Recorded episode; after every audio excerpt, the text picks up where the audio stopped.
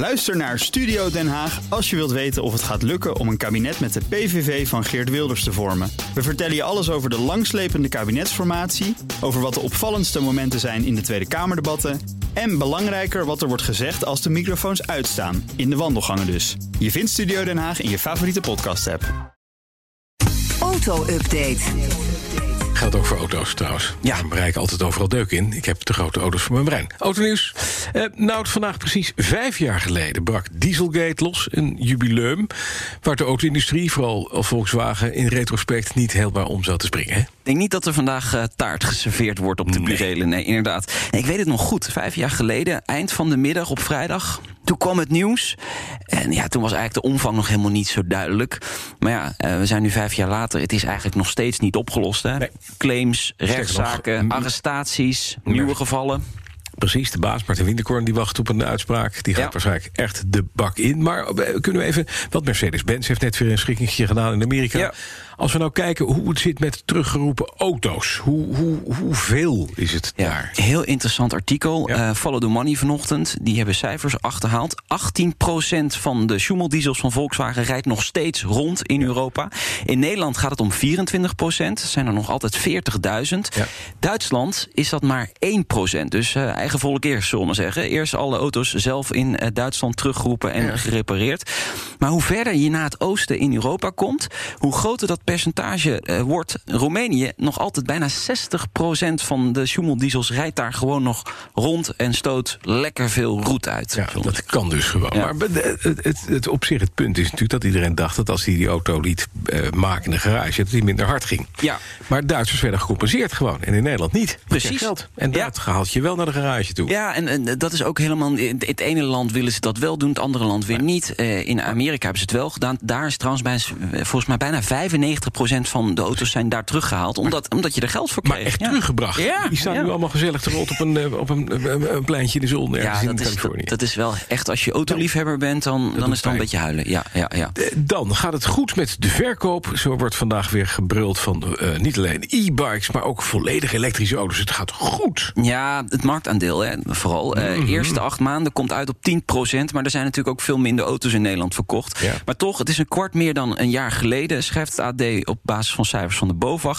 En de reden is natuurlijk ja, ook de subsidie die verleend is. Hè. Ja. Haal je de subsidie weg, dan rijdt niemand meer met zo'n ding. Ja, maar ze hebben nog echt zo'n aankoopsubsidie uh, gelanceerd... Ja, een paar maanden geleden. 2500 auto's zijn toen aangeschaft. Nou ja, en er komt ook nog een aanpassing in de bijtelling hè, vanaf 1 uh, januari. -hmm. Dus uh, die bijtelling gaat weer verder omhoog. Ja, en dan zie je, zul je ook nog voor 1 januari een, een, een verkoophoos zien, waarschijnlijk. Ja, en daarna dus. gaat het steeds minder. Ja. Dan, een automobilist in Canada. Dat is wel mooi, daar ja. hebben we het er, er, straks ook al over gehad. Die is een Tesla. Je, je staat te controleren als agent, komt een Tesla met 150 voorbij... en je ziet niemand achter het stuur. Nee, inderdaad. De, de, de, de stoelen waren achtergeklapt. Ja.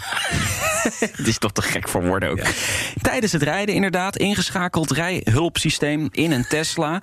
Mensen denken dat dat al uh, level 5 autonoom rijden is, ja. maar dat is maar twee, misschien anderhalf. Uh, het is gewoon levensgevaarlijk. Snelheden tot 150 kilometer per uur. En dan de boete. Uh, voor te hard rijden. Ja. En een dagrijontzegging. Ja, dat is natuurlijk helemaal niks. Uh, Mel nog even voor het gerecht gekomen. Maar wat daar nou precies uit is gekomen, is ook niet helemaal duidelijk. Dus ja, die is toch gewoon goed vanaf gekomen. Die hey, maar wacht eventjes. Want iemand zei er straks dat je moet toch niet met je handen aan het stuur zitten bij ja. zo'n bij zo'n ding. Normaal gesproken dus wel. Je, je moet liggen slapen met je handen aan je stuur in je kruis. Ja, sommige mensen kunnen dat, ja. Best knap. Ja, heel knap. Maar maar weer ook die zaak gehad met Vincent Everts... die de telefoon, uh, zijn telefoon ja. gebruikte. Ja, dit moet je gewoon echt verbieden. Dit ja. kan niet. Totdat het level 4 of 5 is, kan dit gewoon niet. Nee. Waardeloos. Echt Eens. verbieden. McLaren eert de 24 uur van Le Mans. Ja, die is dit weekend natuurlijk. En ja. met speciale versies hebben ze dan uitgebracht. De vijf, om uh, precies te zijn. De McLaren Senna GTR LM.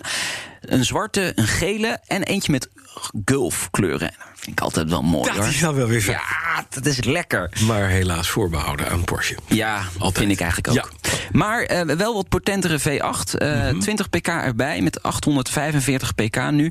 Nou, dit is onderhanden genomen door de McLaren Special Operations uh, divisie. Ter ere van die 24 uur van Le Mans. Maar dan vooral de, de winst met de McLaren F1 in 1995. Legendarische sportauto. Ja, maar toch, ze proberen dus weer inderdaad op de 24 uur van Le Mans mee te liften door een nieuw actiemodelletje te Ja. verkopen bij McLaren. Ja, er moet geld in het laadje Ja, komen dat bij is wat ik McLaren. net zeggen, ja. Hoofdkantoor gaat- staat te koop. Ja, gaat niet helemaal lekker daar. Nee.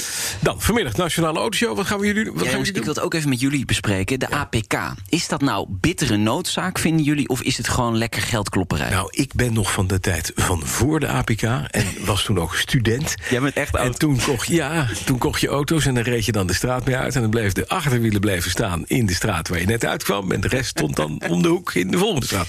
APK is een buitengewoon nuttig instrument om te zorgen dat we alle Ja. lemons, 24 uur van lemons, om die eruit te halen. Ja. Nou, 100% eens. Maar toch heb je altijd het gevoel, ik denk Thomas het ook wel. Je, je rijdt naar, naar die garage en denkt, ja, het gaat me gewoon geld kosten vandaag. Dat, dat Nou weet ik je heb tot nu toe mijn Volkswagen Bora, ik heb hem nu drie jaar, eh, twee keer APK moeten laten keuren. En, en tot twee keer toe was er niks aan de hand. Maar dat is gewoon als Oh, je je auto een- goed onderhoudt, Dat is een wonder. dan is er niks aan de hand. Het is een Volkswagen. Ik dacht een Maserati Bora. Dankjewel. Nou, Broekhoff. De BNR Auto Update wordt mede mogelijk gemaakt door Lexus. Nu ook 100% elektrisch.